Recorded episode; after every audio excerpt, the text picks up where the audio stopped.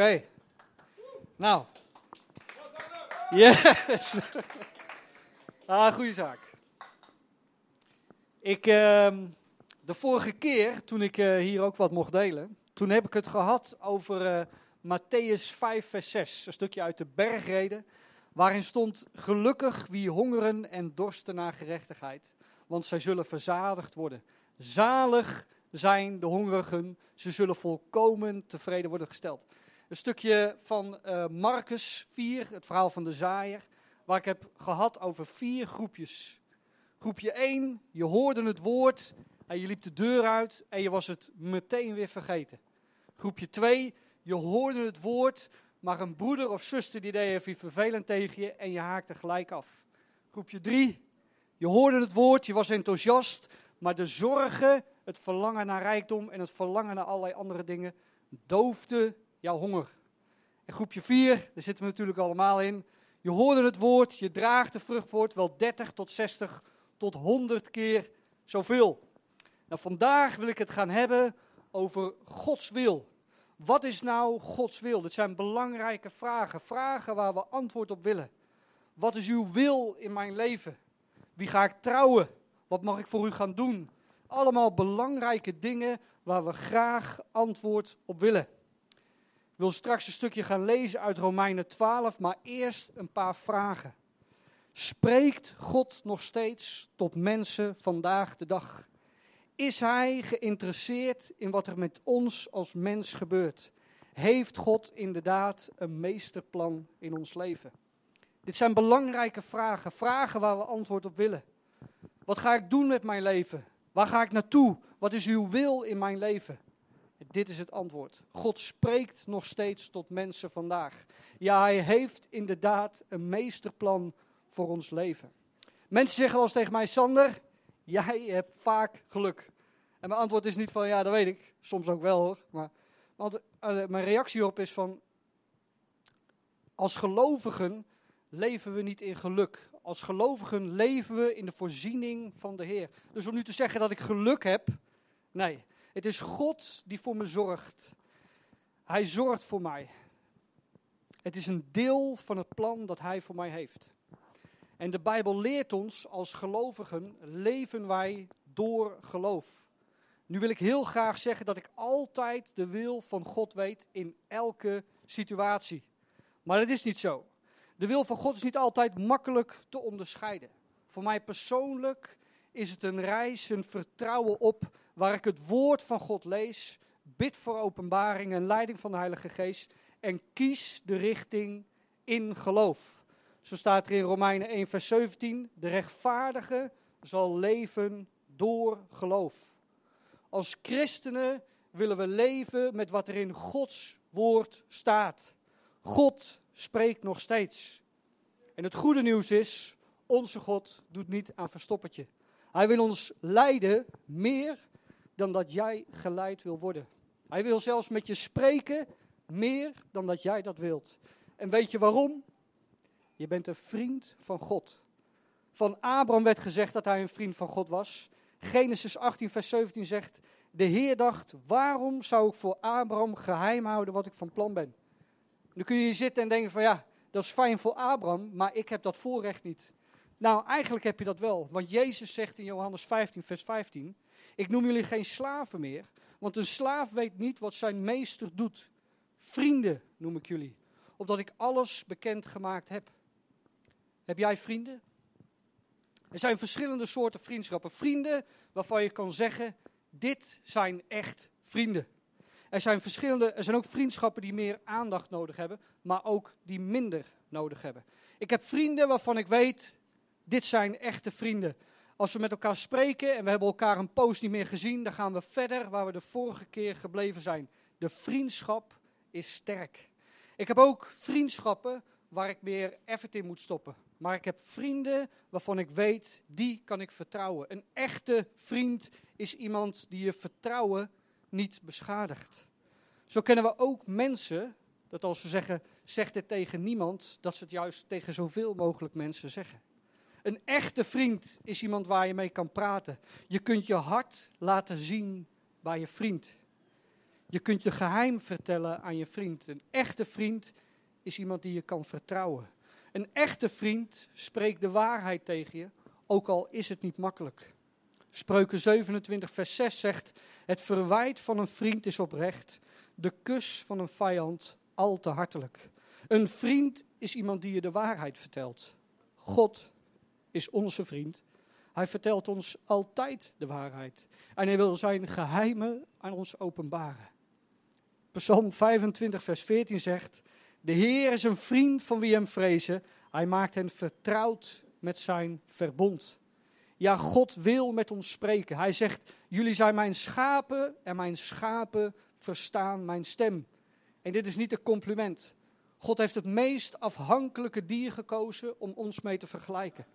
Ik heb pas een artikel gelezen over dolfijnen, waarin staat dat dolfijnen de meest intelligente dieren zijn. En of het nog wel de vraag was of dat we ze onder uh, dieren moesten worden vernoemen. Jezus zei niet, jullie zijn mijn dolfijnen en mijn dolfijnen horen mijn stem. Nou, dat zou mooi zijn. Nee, jullie zijn mijn schapen. Wist je dat als je de meeste dieren loslaat in het wild, dat ze niet overleven, of dat ze wel overleven? Als je je hond loslaat, je poes, je schildpad, wie dan ook, die overleven wel. Maar als je een schaap loslaat in het wild, overleeft hij het niet. Een schaap heeft geen overlevingsskills. Helemaal niet. Ze zijn totaal afhankelijk van de herder. Dat is ook waarom er geen wilde schapen zijn. Ze weten dat als de herder spreekt, dat ze hem moeten volgen. Omdat het plan dat hij met hen heeft beter is dan het plan dat ze zelf hebben. Dit wil ik zeggen, misschien weten we Gods wil nog niet in specifieke omstandigheden, omdat we zijn wil in het algemeen niet weten. Waardoor we met sommige dingen kunnen worstelen waar God al antwoord op heeft gegeven in zijn woord. Dus voor we ons druk maken over wat is Gods wil voor mij, laten we kijken naar wat, wat Gods wil is voor ons allemaal. Dit kun je ook wel de meest logische dingen noemen die God wil. Nummer 1 is, God wil dat jij gelooft. De, is heel logisch, maar is waar. 1 Timotheus 2, vers 3 en 4 zegt, dat is goed en welgevallig in de ogen van God onze redder, die wil dat alle mensen worden gered en de waarheid leren kennen. 2 Petrus 3, vers 9 zegt, hij wil dat niemand verloren gaat. Voor we de wil van God zullen weten, moeten we geloven in Jezus Christus als onze Heer en Redder. De Bijbel is niet een boek gevuld met principes, successen en voorspoed. Het is niet een boek gevuld met magische formules die voor iedereen werken. Het is niet dat als we een probleem hebben en het toepassen op de Bijbel, dat het voor iedereen werkt. Maar de Bijbel is een boek geschreven door God om te vertellen hoe God te kennen, met Hem te lopen, hoe Hem te vertrouwen. Het is voor mensen die Hem als Heer hebben aangenomen. Dus nummer één is dat jij gelovig bent. Nummer twee, om dit leven te leiden, moeten we gevuld en geleid worden door de Heilige Geest. Efeze 5, vers 17 zegt: Wees niet onverstandig, maar probeer te begrijpen wat de Heer wil. Oké, wat wil de Heer? Vers 18, bedrink u niet, want dat leidt tot uitspattingen, maar laat de geest u vervullen. Zing met elkaar psalmen, heimen en liederen die de geest u ingeeft. Zing en jubel met heel uw hart voor de Heer. Want wat betekent het nou om gevuld te zijn met de Heilige Geest? Het betekent dat je helemaal op Hem bent afgestemd. Het woord vervuld spreekt van wind dat een zeil vult. Het is een constant vervuld zijn met de Heilige Geest. Eigenlijk zegt God: Ik beveel jou om constant gevuld en geleid te zijn door de Heilige Geest. Laat Zijn wind jouw zeil vullen. Laat Zijn power jou beïnvloeden. En hoe uitzicht dit? Vers 18 en 19. Zing met elkaar psalmen, heimen en liederen die de Geest u ingeeft. Zing en jubel met heel uw hart voor de Heer. En dank God, die uw Vader is, altijd voor alles in de naam van onze Heere Jezus Christus. Dat brengt me ook bij punt nummer drie. We moeten een houding hebben van dankbaarheid. 1 Thessalonicense 5 vers 18 zegt, dank God onder alle omstandigheden, want dat is wat Hij van u, die één bent met Christus, verlangt. De houding die we mee hebben en daarmee zeggen: God heeft de controle over al mijn omstandigheden in mijn leven. Hij leidt mij aan stille wateren en door stormen heen. Het is allemaal een deel van het proces om steeds meer op Hem te gaan lijken. Nummer vier. Het is de wil van God dat we een heilig leven leiden. Hier hoeven we niet om te vragen. Dit staat duidelijk in zijn woord. 1 Thessalonicense 4, vers 3 zegt: Het is de wil van God dat u een heilig leven leidt. Dat u zich onthoudt van ontucht. Onthouden van ontucht. Dat is ook een woord wat voor mij niet helemaal bekend was. Als wij een heilig leven willen leiden, betekent dat dat we geen seks hebben voor het huwelijk. En als we getrouwd zijn, dat je trouw bent aan je partner. Dat is de wil van God. Nu hebben we Gods wil in de brede zin doorgenomen, wat voor iedereen van toepassing is. Maar hoe zit dat met Gods wil in jouw leven? In jouw situatie? Is het goed als ik aan God vraag, Heer, ik heb uw leiding nodig in mijn leven? Antwoord, zeker. En als je dat niet hebt gedaan, dan moet je dat zeker doen. De Bijbel zegt ook in Jacobus 1, vers 5 en 6, komt één van uw wijsheid tekort, vraag God erom.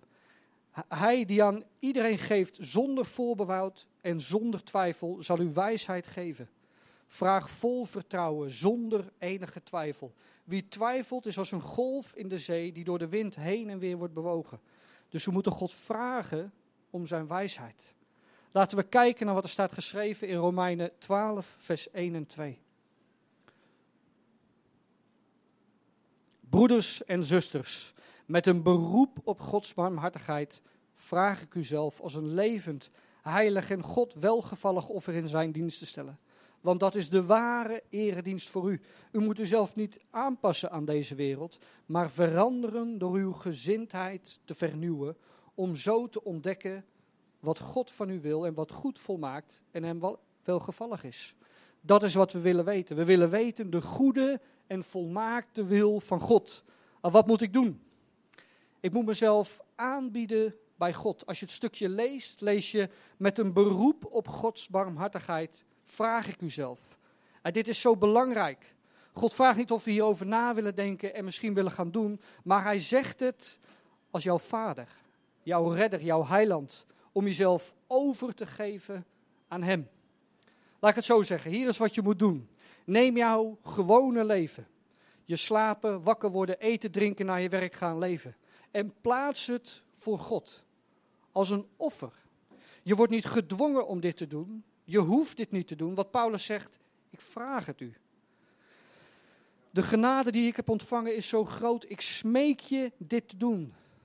Doe dit voor alles wat God voor jou heeft gedaan. Bied jezelf aan bij God als een offer. Offers worden niet opgeëist, maar worden gegeven. Als we een offer ontvangen bij de collecte, dan lopen we niet door de rijen, trekken je portemonnee uit je zak en stoppen dat in de collectezak. Maar we geven de mogelijkheid om iets te geven uit eigen wil. Zoals je geleid wordt door de Heer. Dat is hetzelfde met ons leven. Dat offeren we voor God. Maar voor ons is het een levend offer. We zijn levende offers. Vroeger waren offers dood. Offers die zijn gedood maken het altaar niet meer smerig. Maar levende offers hebben de intentie dat wel te doen. We kunnen ons aanbieden bij de Heer en een moment later weer iets verkeerd hebben gedaan. Maar Paulus zegt: offer jezelf keer op keer als een levend offer. Maar wat offer je dan? Jezelf, jouw totale ik, dat offer je.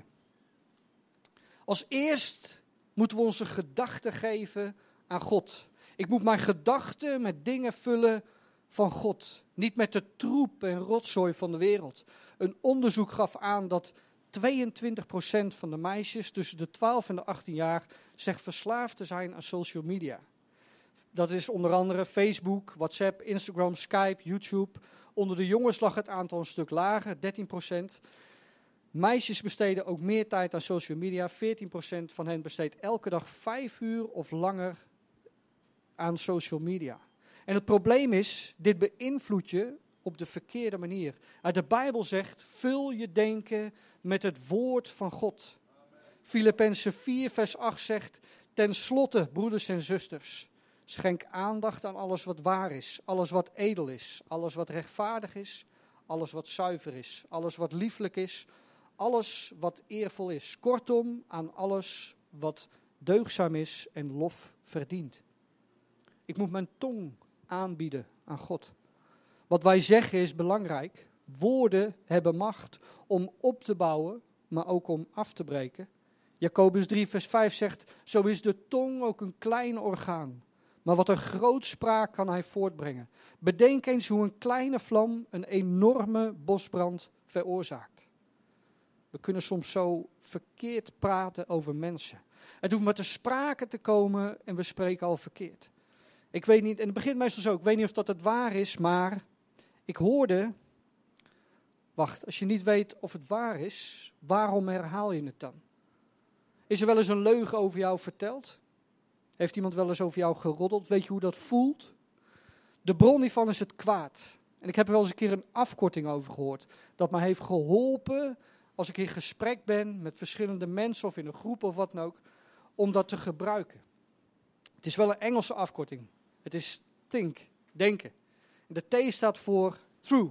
Is het waar wat ik nu ga vertellen? De H, helpful.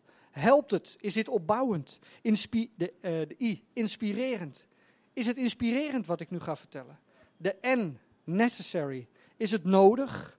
De K, kind, vriendelijk. Is het vriendelijk wat ik nu doe? Denk na voordat je wat zegt. En misschien zit je er wel, dan zeg ik Sander, als ik me daaraan moet gaan houden, dan zeg ik helemaal niks meer. Amen. Amen. Laat je tong toegewijd zijn aan Hem. In plaats van over anderen roddelen, gebruik het om op te bouwen en God te verheerlijken. Zo moeten we ook onze handen en voeten toewijden aan God. Spreuken 6, vers 16 en 17 zegt: Zes dingen haat de Heer, zeven dingen zijn hem een gruwel. Ogen die hooghartig kijken, een tong die liegt, handen die onschuldig bloed vergieten. Een tong die liegt, handen die onschuldig bloed vergieten.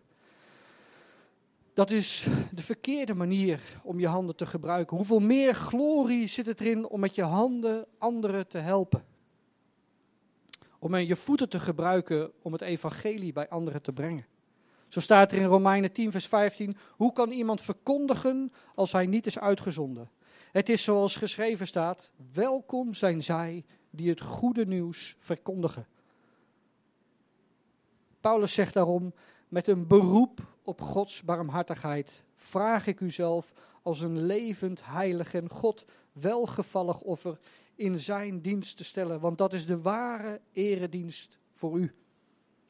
Hij stelt ons de vraag, maar je kunt zeggen: doe dit.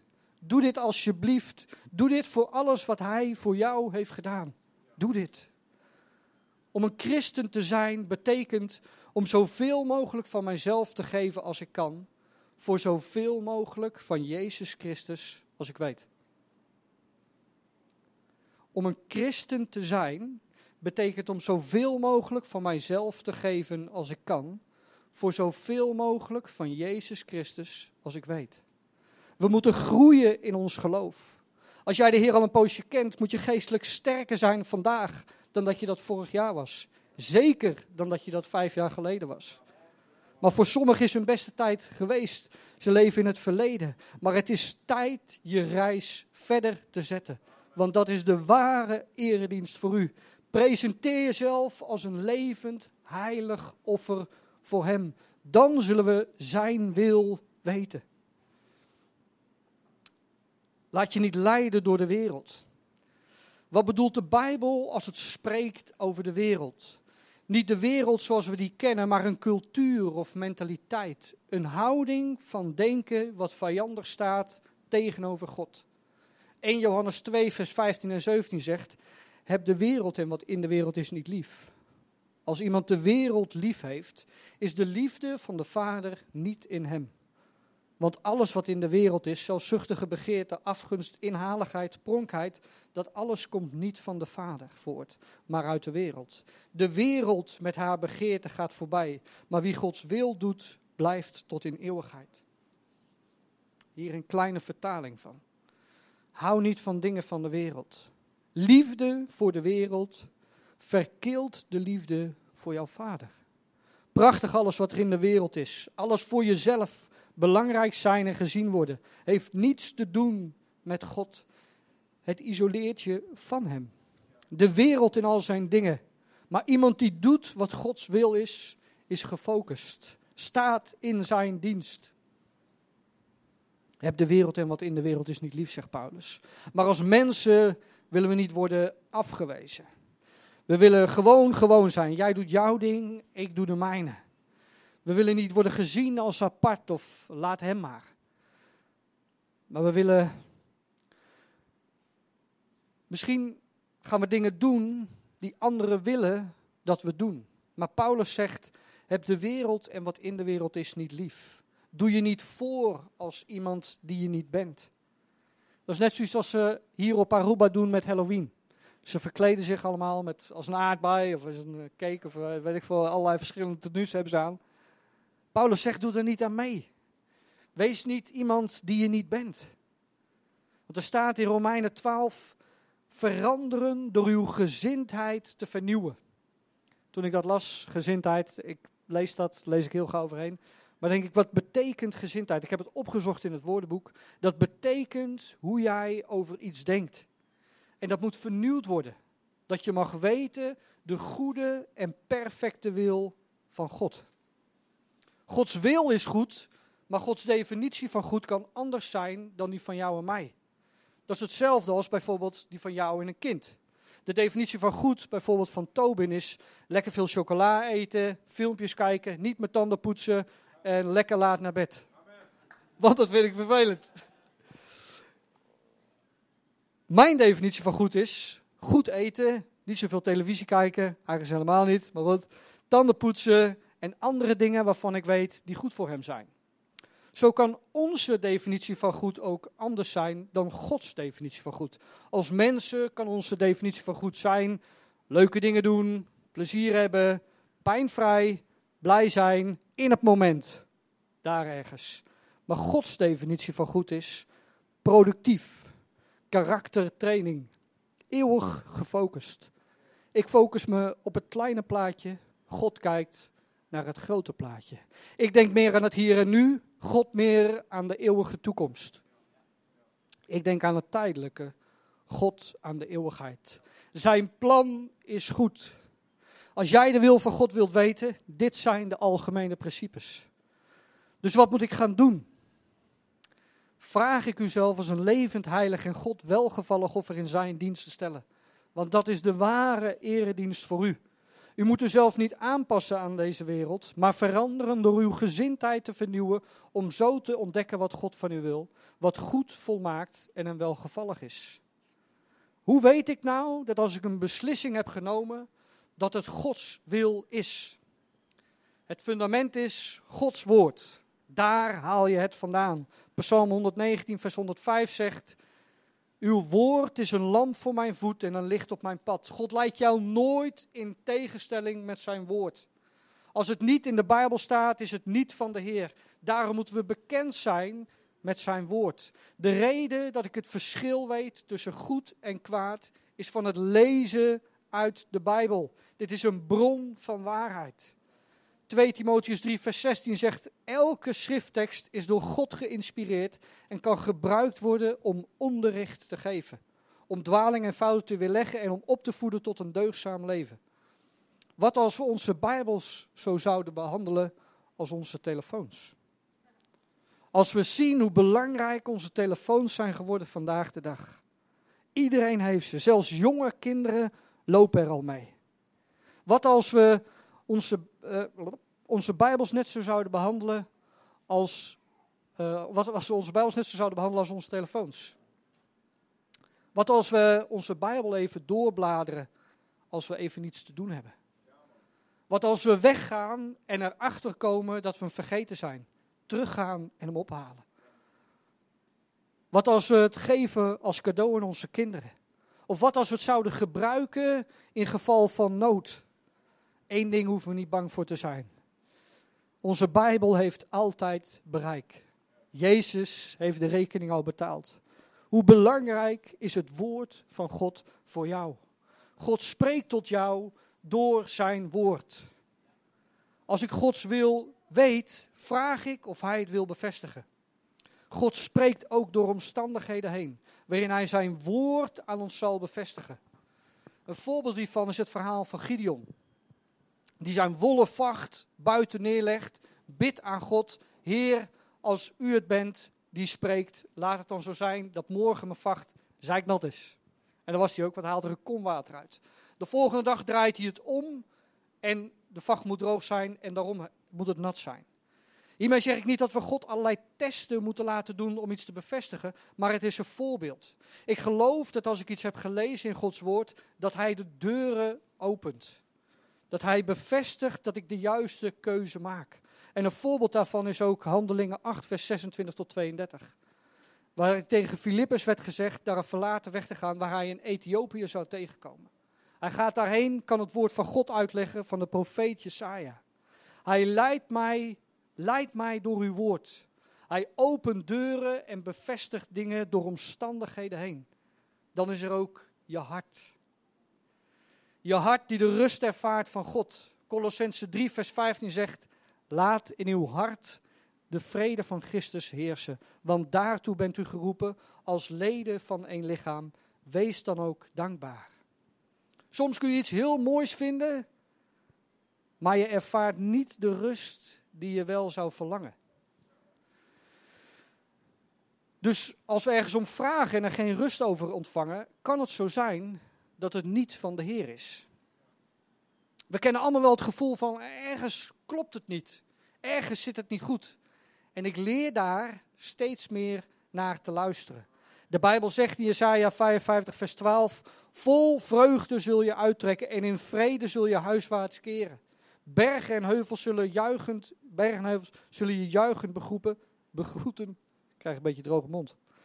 En, de, en alle bomen zullen in de handen klappen. God zal je in zijn vrede leiden. Wanneer jij de wil, wanneer jij de wil van God loopt, is dat een resultaat van rust en vrede.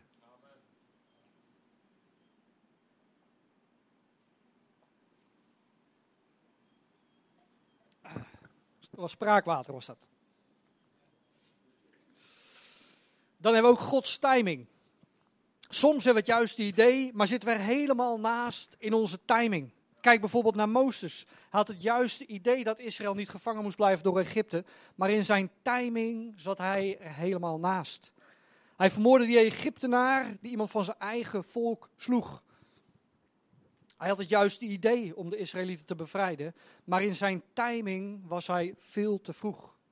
Hij ging 40 jaar de woestijn in en toen in Gods timing kwam hij terug om te doen waar de Heer hem voor had geroepen. Mozes verbleef 40 jaar in het paleis om te ontdekken dat hij iemand was.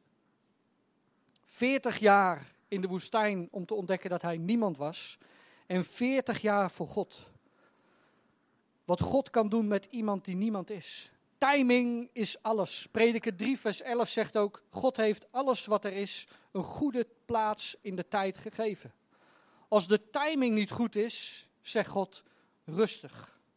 Als jij fout zit, zegt God groei. Als het verzoek, de timing en, en jij goed zijn, zegt God ga. Dus ik wil die timing goed hebben. De wil van God. Hij wil het aan ons openbaren. De wil van God. Hij heeft inderdaad een plan voor jouw leven. Dus wat moeten we doen? Net als 1 Samuel 3 vers 10. En de Heer kwam bij hem staan en riep hem als de voorgaande keren. Samuel, Samuel. En Samuel antwoordde, spreek, uw dienaar luistert. Ik wil uw stem verstaan. En de reden dat ik deze relatie met God kan hebben, de reden dat ik Hem mijn vriend kan noemen, is omdat Jezus zijn liefde voor mij heeft laten zien om aan het kruis te sterven.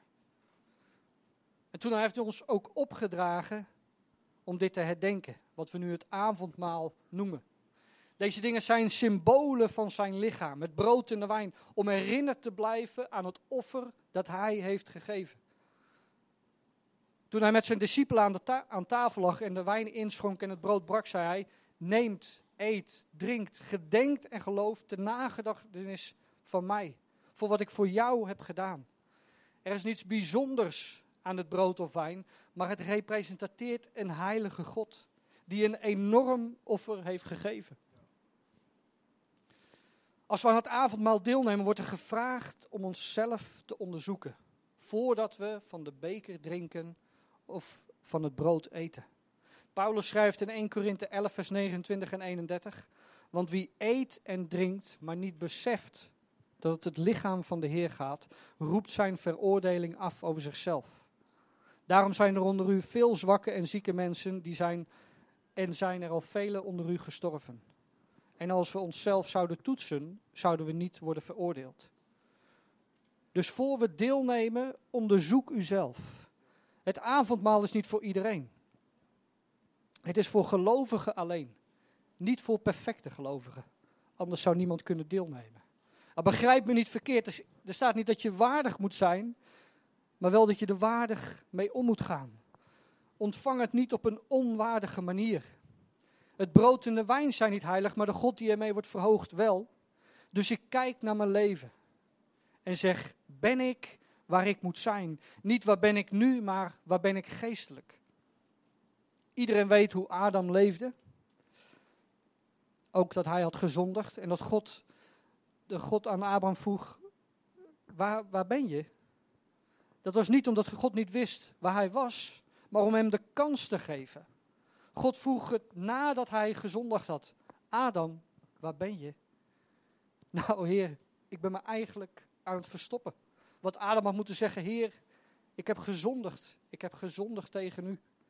Maar we weten allemaal hoe Adam reageerde en zijn vrouw de schuld gaf. het is een vrouw die je mij hebt gegeven. God kan ook aan jou vragen. Waar ben je? Niet waar ben je nu, maar waar ben je geestelijk? Waar ben je op je pad met God? Ik heb het een klein beetje kunnen hebben over de wil van God.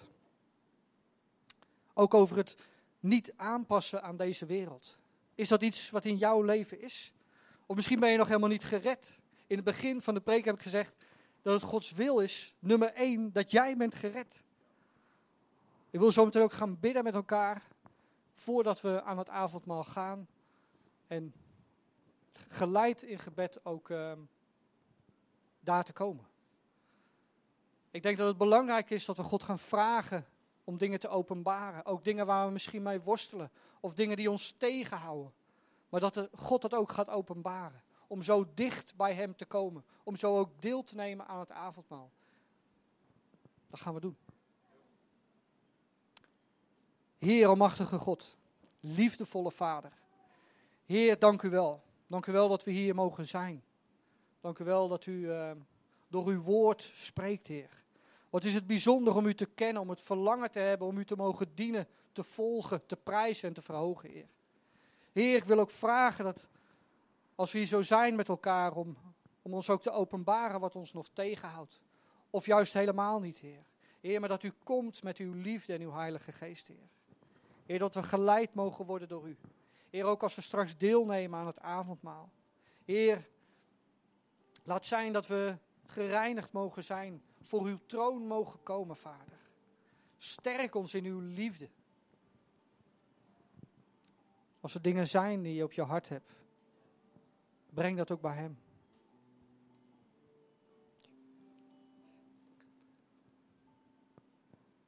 Ik wil ook de mogelijkheid geven dat als er nog dingen zijn die je, die je tegenhouden, dat er uh, achter in de kerk mensen zijn die voor je willen bidden.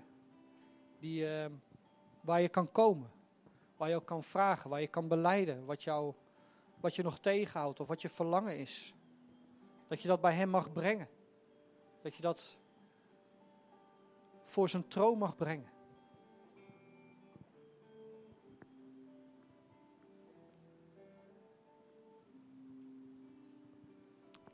Heer, als we zo uh, ook voor uw troon zijn, Heer.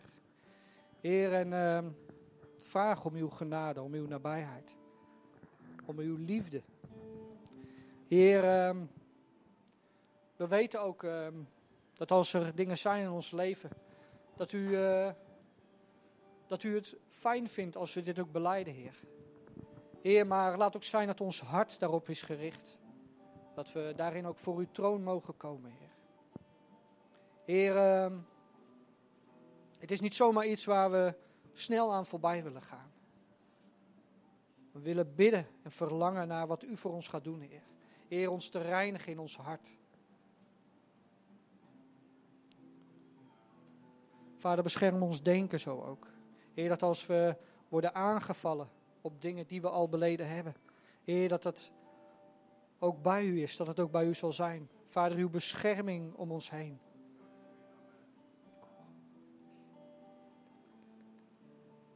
Ik wil je echt vragen dat als er dingen zijn, dat je die ook uh, beleid voor, bij, voor zijn troon brengt. Ik weet zelf uit ervaring dat het goed is om je zonde te beleiden. Tegenover God, maar ook tegenover iemand anders. Dan breng je het in het licht, dan komt het licht erbij. En daar waar het licht gaat schijnen, daar moet je komen. Zodat God nieuwe dingen kan openbaren.